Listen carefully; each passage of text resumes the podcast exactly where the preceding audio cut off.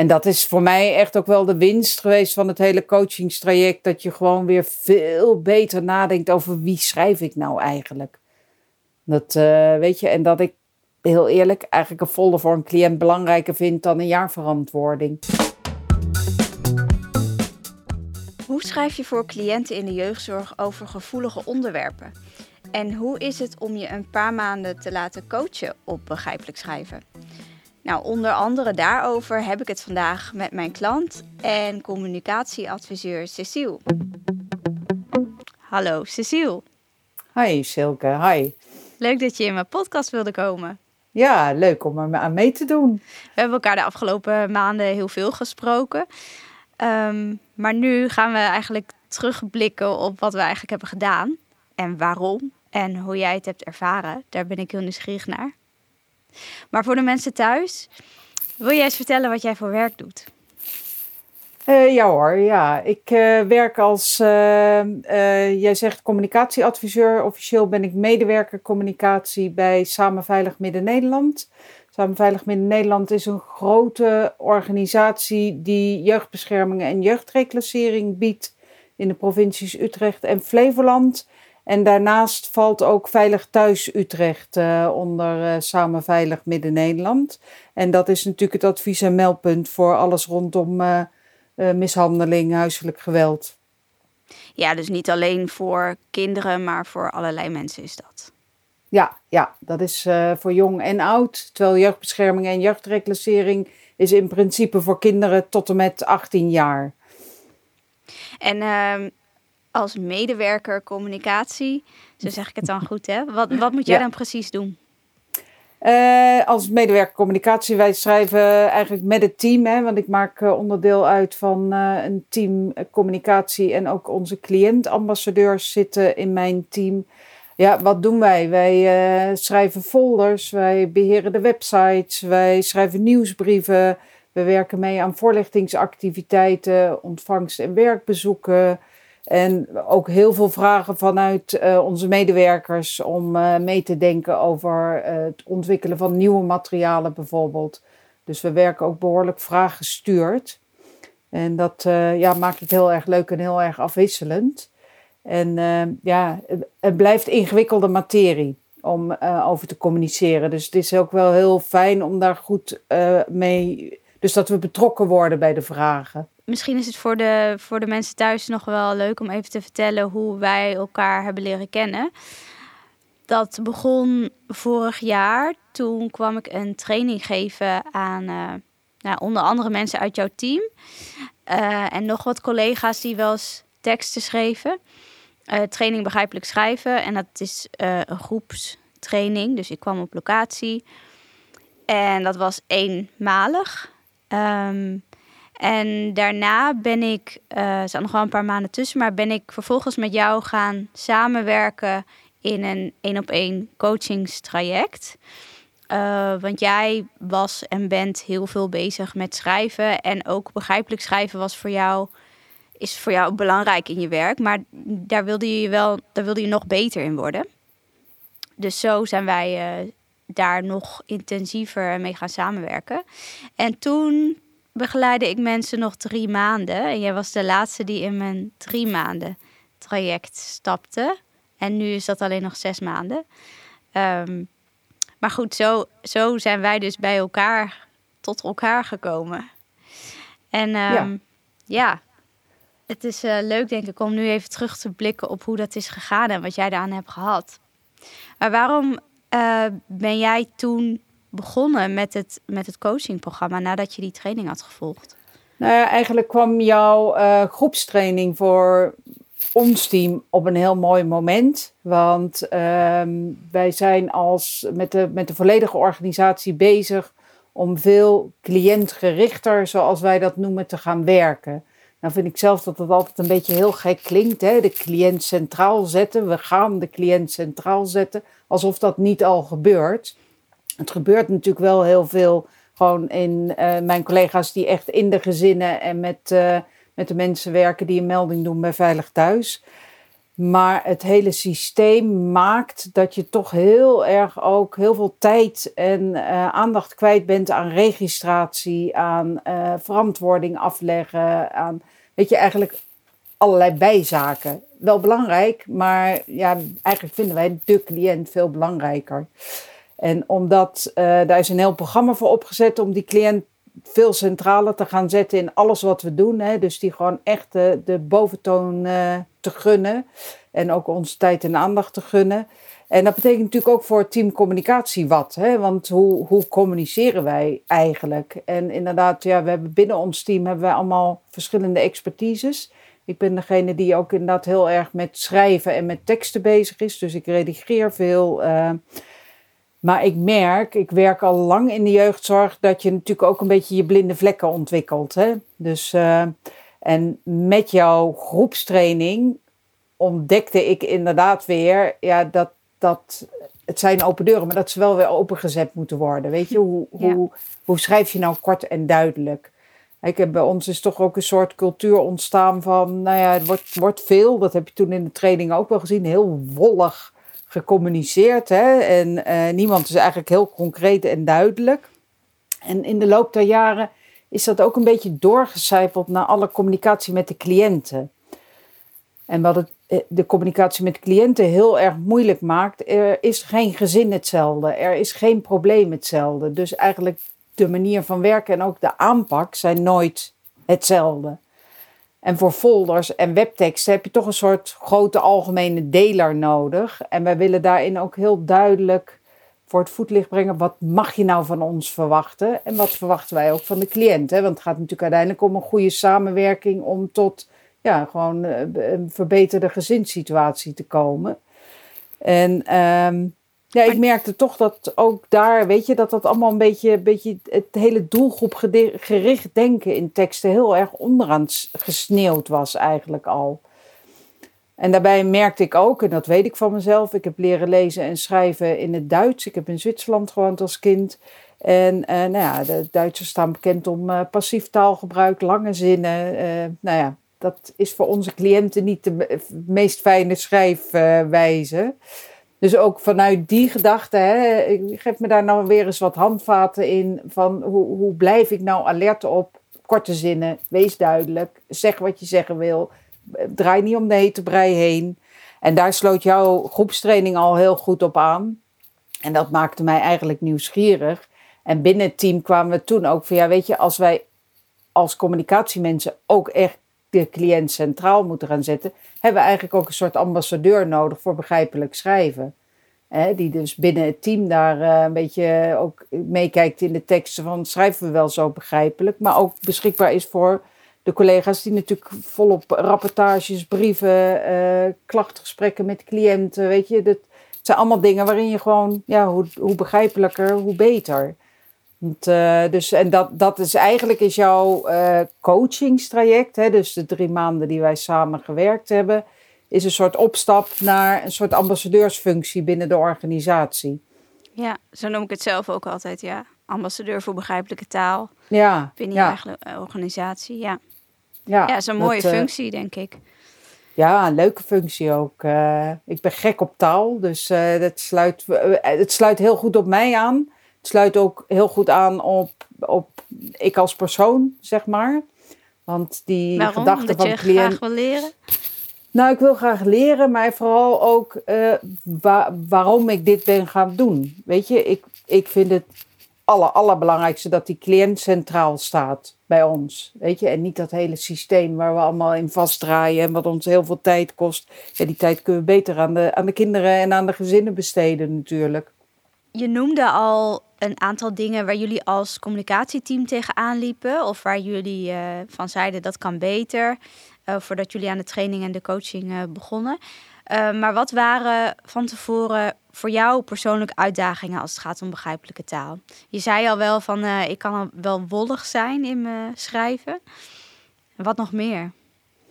Uh, nou ja, wat inderdaad het, het, het wollige. Hè? Dus, uh, maar wat ik bijvoorbeeld zelf ook daarin heel erg merk, is dat ik uh, eigenlijk om, om duidelijkheid te creëren ook vaak herhaal. En dat komt een tekst lang niet altijd ten goede. Nou hebben wij binnen het team ook wel een beetje de regel dat de een schrijft en de ander leest mee. Maar door tijdgebrek ja, krijgt dat lang niet altijd voldoende aandacht, zeg maar. En uh, ja, dat, dat herhalen, als ik teksten van mezelf teruglees, zie, zie ik het wel. Weet je, ik denk, oh, waarom, waarom zeg ik dat nou drie keer? Want, uh, dus dat was echt wel een ding. En ja, mijn, mijn grootste ding was dat ik door jouw groepstraining ook wel merkte dat je een soort blinde vlekken hebt. Weet je, dus uh, en dan denk ik eigenlijk leer je niet zozeer iets nieuws. Ik zeg altijd, je krijgt een soort deurstopper aangereikt. Het zijn bijna open deuren, maar ze moeten wel af en toe weer opengezet worden. Ja. Want, uh, dus en dat, dat, uh, eigenlijk heeft jouw groepstraining en zeker ook het coachingstraject voor mij betekend dat je gewoon veel alerter bent weer op hoe schrijf ik nou eigenlijk en vooral ook wat wil ik zeggen tegen wie. En ook zeker dat doelgroepgericht denken, dat sneeuwt bij ons echt ook wel onder. En dat heeft ook heel erg met tijd te maken. Werkdruk is altijd hoog. En um, ook, ook het, ja, ik noem altijd een beetje een soort indekgedrag. Hè? Dus hoe, hoe minder scherp en duidelijk je schrijft, hoe meer je mitsen en maren toe gaat voegen om je een beetje in te dekken tegen dat niemand je erop vastpint. Mm -hmm. Terwijl eigenlijk denk ik waarom? Ik bedoel, ja, pin me er maar op vast. Ik schrijf toch niks wat, wat ja, misschien wel heel anders uitpakt of zo. Ik kan me voorstellen dat jij alles waar wij samen aan hebben gewerkt uh, wel eens had gehoord. Of dat, je, dat het allemaal niet nieuw voor je was. Maar dat dat ook niet het ding was. Dat het belangrijkste was om samen met iemand naar jouw teksten te kijken. Ja, ja. Um, en daar echt tot in detail over uh, heen en weer te mailen soms en te praten. Ja, dat vond ik ook het hele leuke. Hè? Want ik bedoel, ja, je komt echt wel dingen tegen dat je denkt: wat is hier nou verstandig? Weet je? En het heeft ook te maken met. Het, het is bij ons heel ingewikkeld. Hè? Een jeugdbeschermingsmaatregel zit ook in een heel juridisch kader. Ja. En, um, en dan krijg je te maken met dat de ene jeugdbeschermingsmaatregel wordt in de praktijk net wat anders aangepakt dan de andere, omdat de problematiek die eronder ligt gewoon anders is. En dan, ja, weet je, waar, waar ligt dan die balans van wat is dan de grote algemene deler nog? Waar moet nou de nadruk liggen voor een doelgroep? En dat was het leuke in het sparren met jou, hè, dat je daar gewoon eens in meedenkt. Dus dat je niet in je uppie zit te denken, oh, ja, als ik het was, dan zou ik het zo willen of zo. En omdat wij aan het sparren waren, hè, ik was met een van mijn collega's bezig om een aantal nieuwe folders te ontwikkelen. En raakte ik dus ook met hem aan het sparren, weet je? En dat je en dat je dus ook op een gegeven moment bedenkt, joh, we hebben cliëntambassadeurs, laat ze lekker meekijken, weet je. Dus het, eigenlijk ook door, door de manier waarop wij het aangepakt hebben, ging bij ons het balletje ook als van heel zelfsprekend rollen. En zag ik dus ook bij mijn collega's gewoon de ogen open gaan, weet je. In één keer zie je hoe vast je eigenlijk in een bepaald stramien zit, wat helemaal niet het goede stramien hoeft te zijn. Kijk, onze folders die stammen uit uh, eh, 2015, toen er een heel nieuw systeem kwam in de jeugdzorg. En ja, in die tussentijd heeft dat systeem zich ook aardig ontwikkeld. En zijn er echt wel weer aanpassingen geweest, die, ja, die ook maken dat die inhoud weer geactualiseerd moet worden. Maar vooral ook dat die cliënt centraal hoort te staan. Ja, want dat, dat was echt wel waar we het vaak over gehad hebben. Uh, en waar we volgens mij ook wel veel tegenaan liepen, uh, je noemde het al even, is dat um, het zo complex is. De situaties die verschillen zo erg waar cliënten uh, in zitten. En dan schreef je iets algemeens over een bepaalde maatregel. En dan um, hadden we het over, ja, kun je hier nu wat duidelijker in zijn over hoe die maatregel er in de praktijk bijvoorbeeld uitziet voor de cliënt. Ja, dat kan op zich wel, maar bij de andere cliënt ziet het er alweer anders uit. Dus dat was soms lastig om daar keuzes in te maken. Ja. Had jij dat ook? Ja, dat heb ik ook wel zo ervaren. Hè? Want ik bedoel, kijk, een van de mooie dingen van uh, is bijvoorbeeld werken met voorbeelden. Hè? Dat, dat werkt heel illustratief. Maar dat is verschrikkelijk moeilijk bij ons. Ja. En daar zijn wij ook wel uitgekomen, hè, dat je dan toch de oplossing wat meer moet zoeken in uh, een korte toelichting in een kadertje of in, uh, puntsgewijze opsommingen of toch een extra tussenkopje. Ofwel een voorbeeld erbij noemen wat dan wat vaker voorkomt. Nou ja, daar hebben wij ook weer de input van onze medewerkers voor natuurlijk. Dus dat, dat was wel echt het hele fijne ook van, van het, het hele coachingstraject. Dat je gewoon ook wel een beetje met elkaar de tijd neemt om te zoeken naar andere manieren om dingen duidelijk te krijgen voor de doelgroep waar je voor schrijft. Want, uh, het is essentieel bij ons in de uitvoering van de maatregelen is de samenwerking met de cliënt. En ook een toonzetting van een folder ja, heeft daar een rol in. Weet je, als je daar heel streng, uh, het moet zus en het moet zo. Ja, dan zou ik als ouder ook denken, ja, dag, doe het lekker op mijn eigen manier, weet je. Dan ga je, je moet zorgen dat, dat de doelgroep niet wars wordt van iets wat je opschrijft. He, die moeten eigenlijk daarin in, in, in een soort, soort openheid ervaren. Dat ze denken, overrek, oh, maar op die manier ja, wil ik best samenwerken om, uh, om het uiteindelijk uh, goed voor elkaar te krijgen. Ja, daarin moet je echt wel toveren met woorden. En dat, dat lijkt ja. me best wel uh, lastig. Ook leuk, maar ook lastig voor jou als communicatiemedewerker. Want het ja, zijn ik vind het vooral leuk. Ik vind het vooral leuk. Het zijn hele gevoelige onderwerpen, maar dat maakt het eigenlijk des te belangrijker dat je het goed, goed aanpakt, weet je. En ik denk ook door het coachingstraject hebben wij als team ook wel geleerd voor dit soort dingen moet je gewoon tijd nemen. Weet je, je kunt niet op een, op een vrijdagmiddag een folder in elkaar schrijven. Dat gaat gewoon niet. Zitten zoveel nuances in waar je goed over na moet denken met elkaar. En vooral ook met de cliënt. Hè? En dat is natuurlijk het fijne dat bij ons, ja, er is een heel cliëntenpanel. We hebben een cliëntenraad. We hebben cliëntambassadeurs in ons eigen team zitten, waar ook oud-cliënten of wat, eh, cliënten van nu, uh, is dus een van mijn collega's, een cliënte. Ja, en dat maakt het ook eigenlijk heel makkelijk, maar ook heel voor de hand liggend, om vooral ook met hun te kijken naar van, joh, als ik het zo zeg, wat vind jij dan? Het is tijd voor de taaldilemma's. Ik heb een aantal eh, dilemma's voor jou die allemaal te maken hebben met taal, met woorden. En ik heb wat uh, zorgvaktaal heb ik uh, opgespoord. En ik noem nu eerst twee woorden. En dan moet jij kiezen. Preventie of voorkomen? Voorkomen. Chronisch of voor altijd? Voor altijd. Daar moest je even over nadenken.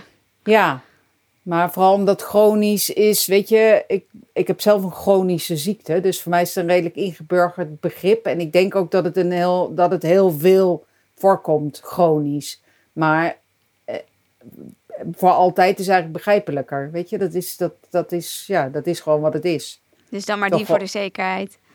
Nou ja, gewoon voor de begrijpelijkheid. Ik denk van ja, het, uh, het is voor altijd. Dus... Uh, ja, dat is wat het is. Dan kiezen we voor altijd. Ja. Bejegening of omgang? Omgang. Welzijn of dat iemand gezond en gelukkig is? Dat iemand gezond en gelukkig is. Oké. De laatste. Extramurale zorg of dat een cliënt thuis woont en niet in een instelling woont? Uh, dat een cliënt thuis woont en niet in een instelling woont. Want als je tegen mij zegt extramurale zorg, uh, dan, dan weet, ik, weet ik het ook niet. Want, uh, weet je, dan denk ik van nou, dat zegt al genoeg natuurlijk. Eigenlijk kies jij steeds voor de begrijpelijke variant. Nou, kijk, dat is fijn. Ik heb nog een paar dilemma's voor je. Oh oh. uh, nog wat situaties waar je tussen moet kiezen. Je moet kiezen. Nooit meer schrijven of nooit meer praten. Hmm, nooit meer schrijven. Zegt de communicatieadviseur. De volgende. Een extreem formele tekst of een extreem simpele tekst? Extreem simpele tekst. Duidelijk. Een tekst bomvol spel- en grammatica fouten die wel begrijpelijk is voor cliënten of een tekst zonder enkele fout die te moeilijk is voor cliënten? En dan kies, kies ik toch voor de tekst met fouten druist volledig in tegen, tegen ik ga meteen corrigeren, maar begrijpelijkheid gaat dan echt voor boven correctheid. Uh. Oké, dan eh, heb ik er nog eentje. Je spreekt alle talen, maar je mag alleen praten op woensdagen. Of je mag wel alle dagen praten, maar dan alleen in het Koerdisch. Eh, dan doe ik eh, de laatste. Alle dagen praten, maar dan alleen in het Koerdisch. Oké, interessant. Ja, dan ga ik in een Koerdisch sprekend land wonen. En dan kan ik me in ieder geval elke, elke dag zorgen dat, dat er duidelijk gecommuniceerd wordt. Ja, Eh, je, je hoeft alleen even te verhuizen naar eh nee, ja, Koerdistan, precies. denk ik. Ja, ja, Kiezen we die? is ook weer een uitdaging, toch? Ja, zo is het. en wat heb jij de, eh, de afgelopen maanden of de maanden dat je met mij samenwerkte, wat heb jij dan ehm, geleerd? Wat, wat doe je nu anders als het gaat om begrijpelijke taal? Misschien ook wel even in dat eh, grotere beeld van dat de cliënt nu meer centraal staat. Nou ja, wat ik al zei, hè, vooral het, het, eigenlijk het meer tijd nemen voor het maken van een, een middel wat naar, voor de cliënt bedoeld is. Hè. En dan heb ik met name over folders en websites. Dus daar gewoon echt beter over nadenken. Ook het betrekken van de cliëntambassadeurs en eh, met name ook het cliëntenpanel in een eerder stadium. Ook het betrekken van de medewerkers in een eerder stadium. Dat zat altijd wel ingebakken bij ons in de route van eh, folders samenstellen. Maar dat hebben we toch echt veel intensiever vormgegeven nu. En bedoel Dus je met betrekken dat je ze vraagt wat vind je van deze tekst? Wat vind je van deze tekst? En bij medewerkers ligt dan de focus heel erg op, hè, klopt de inhoud? Dus zeggen we geen hele rare dingen. Maar ook vragen hè, als, eh, eh, hoe wil jij genoemd worden? Ben jij een medewerker safe? Want safe is bij ons eigenlijk de benaming van de hele jeugdbeschermings- en re- jeugdreclasseringstak. Is eigenlijk een term die niet zo heel veel zegt voor een buitenstaander. Het is een methodiek namelijk. Eh, of ben je liever jeugdbeschermer? Of misschien nog wel liever gezinsvoogd? Weet je, en dat zijn vragen. Ja, daar, moet eigenlijk de medewerker antwoord op geven. Dat moet niet de organisatie zeggen: we noemen jou zo. Nee, wat, wat werkt nou in de praktijk? Weet je, en wat straalt dan ook uit de rol die je hebt? Want als jeugdbeschermer, noem ik het nu maar even, heb je gewoon bepaalde ehm, ja, eh, stokken achter de deur, om het maar even zo te noemen. Je hebt van de rechter een opdracht gekregen.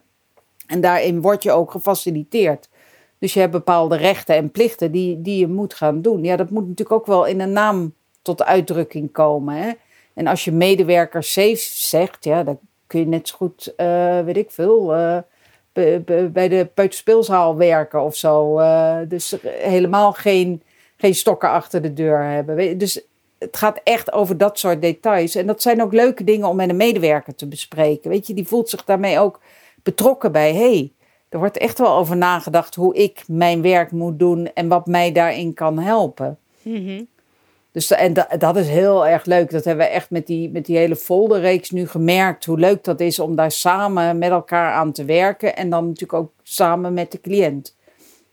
Dus dat die ook echt. En die, die is ook, voelt zich dan ook vrij om te zeggen: Ik snap eigenlijk niet wat hier staat. Wat goed, ja. Dan kunnen Ja. jullie het weer aanpassen.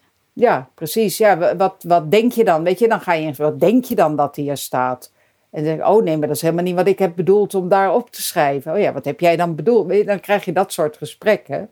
En dat is echt heel erg leuk om te doen. Dus daar krijg ik echt energie van. En dat is voor mij echt ook wel de winst geweest van het hele coachingstraject. Dat je gewoon weer veel beter nadenkt over wie schrijf ik nou eigenlijk. Dat eh, weet je, en dat ik heel eerlijk eigenlijk een folder voor een cliënt belangrijker vind dan een jaarverantwoording. Mhm. Ja, natuurlijk moet je je verantwoorden, maar dat is voor een, voor een, een, ja, een veel kleinere doelgroep. En raakt in, voor mijn gevoel minder aan de kern van wat, wat zijn we hier nou eigenlijk met z'n allen aan het doen. We, we willen gezinnen helpen. We willen gezinnen helpen om weer gewoon goed als gezin te kunnen, kunnen functioneren. Dus dat, eh, dat ja, ik, nee, het heeft mij veel opgeleverd. En die volligheid, ben je daar eh, een beetje meer vanaf? Nou ja, dat hoor je. Ik heb nog steeds heel veel te vertellen. Want, eh, maar ook daar, omdat je doelgroepgerichter denkt, ja, bedenk je, oh, wat een lange zin. Kan ik die niet opsplitsen, weet je, zo. Dat, dat ik zie me ook voor als ik dingen, mail schrijf aan vrienden van mij of zo, weet je, dat je denkt, heel, ja, Kan zes korter. bijzinnen. Kan korter. Ja, Want, eh, dus dan hoor ik jou in mijn achterhoofd. ja, dat soort dingen heb ik ook wel gezien hoor, dat dat, dat, dat beter ging. Maar vooral jouw eh, hele denkproces, wat je net omschreef. eh, voor wie schrijf ik eigenlijk? En begrijpt die wat hier staat? Zijn, zijn dit ook de juiste woorden die ik voor die doelgroep moet of kan gebruiken? Ja, ik heb je uh, hardop horen denken in die paar maanden samenwerking. Maar ik heb het je ook zien doen. Ik heb in jouw teksten teruggezien dat je daar meer over bent gaan nadenken. Nou, dat is leuk om te horen. Ja, ik, ik zag daar echt een verschil in tussen de eerste teksten en de teksten daarna. Of de, de vragen die je mij stelde bijvoorbeeld. Of wat je deed met uh, mijn aanwijzingen of mijn vragen die ik je stelde. Dus dat was wel heel mooi om te zien wat er dan uh, ja. gaande was in jouw hoofd.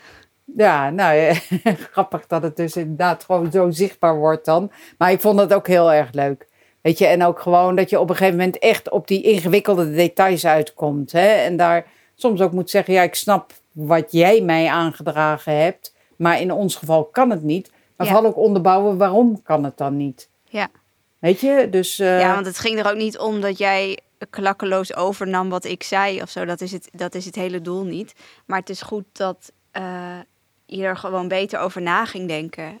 Uh, ja, en het gesprek over aangaat. Ja. Dat, uh, kijk, en ik heb natuurlijk ook wel veel nagedacht over hoe kan het dan dat die open deuren toch weer dicht gaan.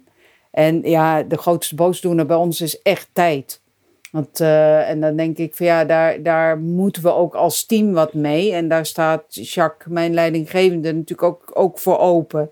En die heeft ook niet voor niks met mij bedacht dat ik dit coachingstraject moet gaan doen. Ja, dat geeft al aan dat je hier dus ook ruimte voor moet creëren met elkaar. Omdat het zo belangrijk is. Ja, ik denk wel, en dat ga ik ook zeker met mijn leidinggevende nog bespreken. Ik zou graag een soort herhaalstructuur daarin willen. Mm En al is het, kijk je maar in één tekst mee.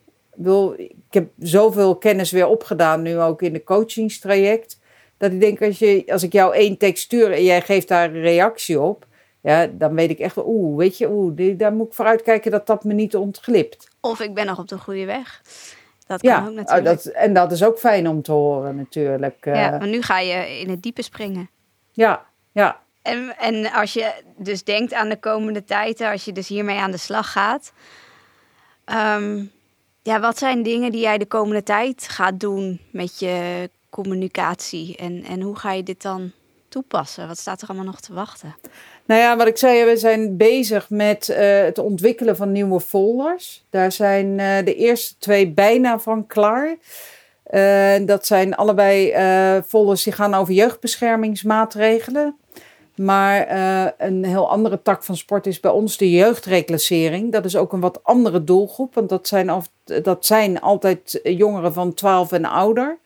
Daar spreken we ook niet zozeer de ouder aan als veel meer de jongeren in de teksten die je geeft.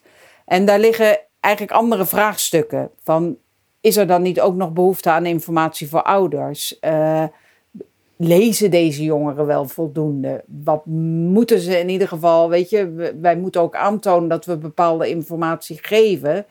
Hoe presenteer je dat dan? Weet je, dus die, die folders voor de jeugdreclassering is echt een van de eerst, eerstkomende uh, punten waar wij mee aan de slag gaan.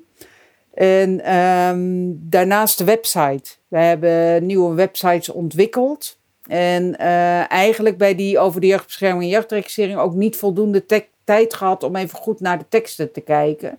Dus daar hebben we veel teksten van de oude website gewoon maar overgenomen om in ieder geval de juiste structuur erin te krijgen. Die structuur is er, die is ook getoetst. Dat loopt allemaal best oké. Alleen nu de teksten nog. En met de folders die we ontwikkelen heb je natuurlijk ook een hele mooie basis om te kijken, oké, wat moet er dan op een website en uh, hoe vullen die twee elkaar goed aan? Mm Ja.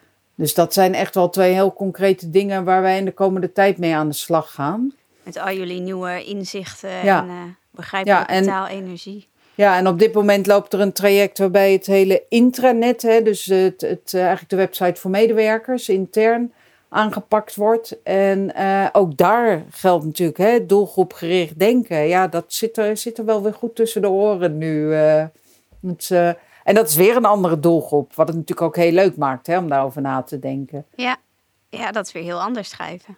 Ja, precies. Dus dat, dat, dat maakt mijn vak natuurlijk ook leuk. Hè? Dat, het, ja, dat je toch aan nadenken blijft eigenlijk. Voor wie schrijf ik dit nu? Ja, ja dus er is echt nog wel genoeg te doen de komende tijd voor jou. Het, uh, ja, dat uh, komt, komt niet af uh, binnen een paar maanden. Dat weet ik wel, maar er wordt aan gewerkt. Dus dat is heel fijn. En even als afsluiting, stel dat mensen luisteren en denken, nou, ik uh, twijfel wel een beetje, misschien uh, is zo'n coachingstraject ook wel iets voor mij om één op één met Silke samen te werken.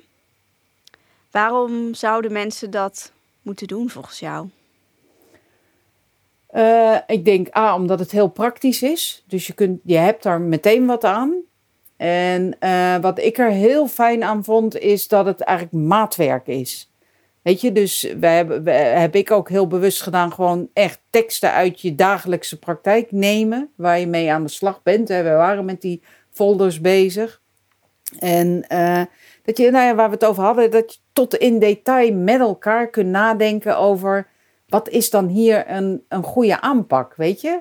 Kijk, want het is natuurlijk nog steeds zo, je wil een goede aanpak hebben voordat je bij de cliënt komt ook met de vraag, joh, is dit begrijpelijk, snap je wat hier staat en uh, past dit bij hoe jij je voelt als ouder in de jeugdbescherming?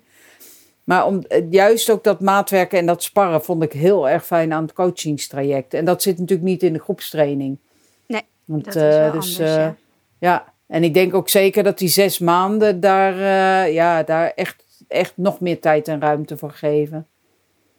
Ja, dat denk ik ook. Ja. Maar fijn om te horen hoe het voor jou is geweest. En dat jij er zoveel aan hebt gehad. En ook waarschijnlijk de komende tijd er nog veel aan gaat hebben. Net als de rest van je organisatie.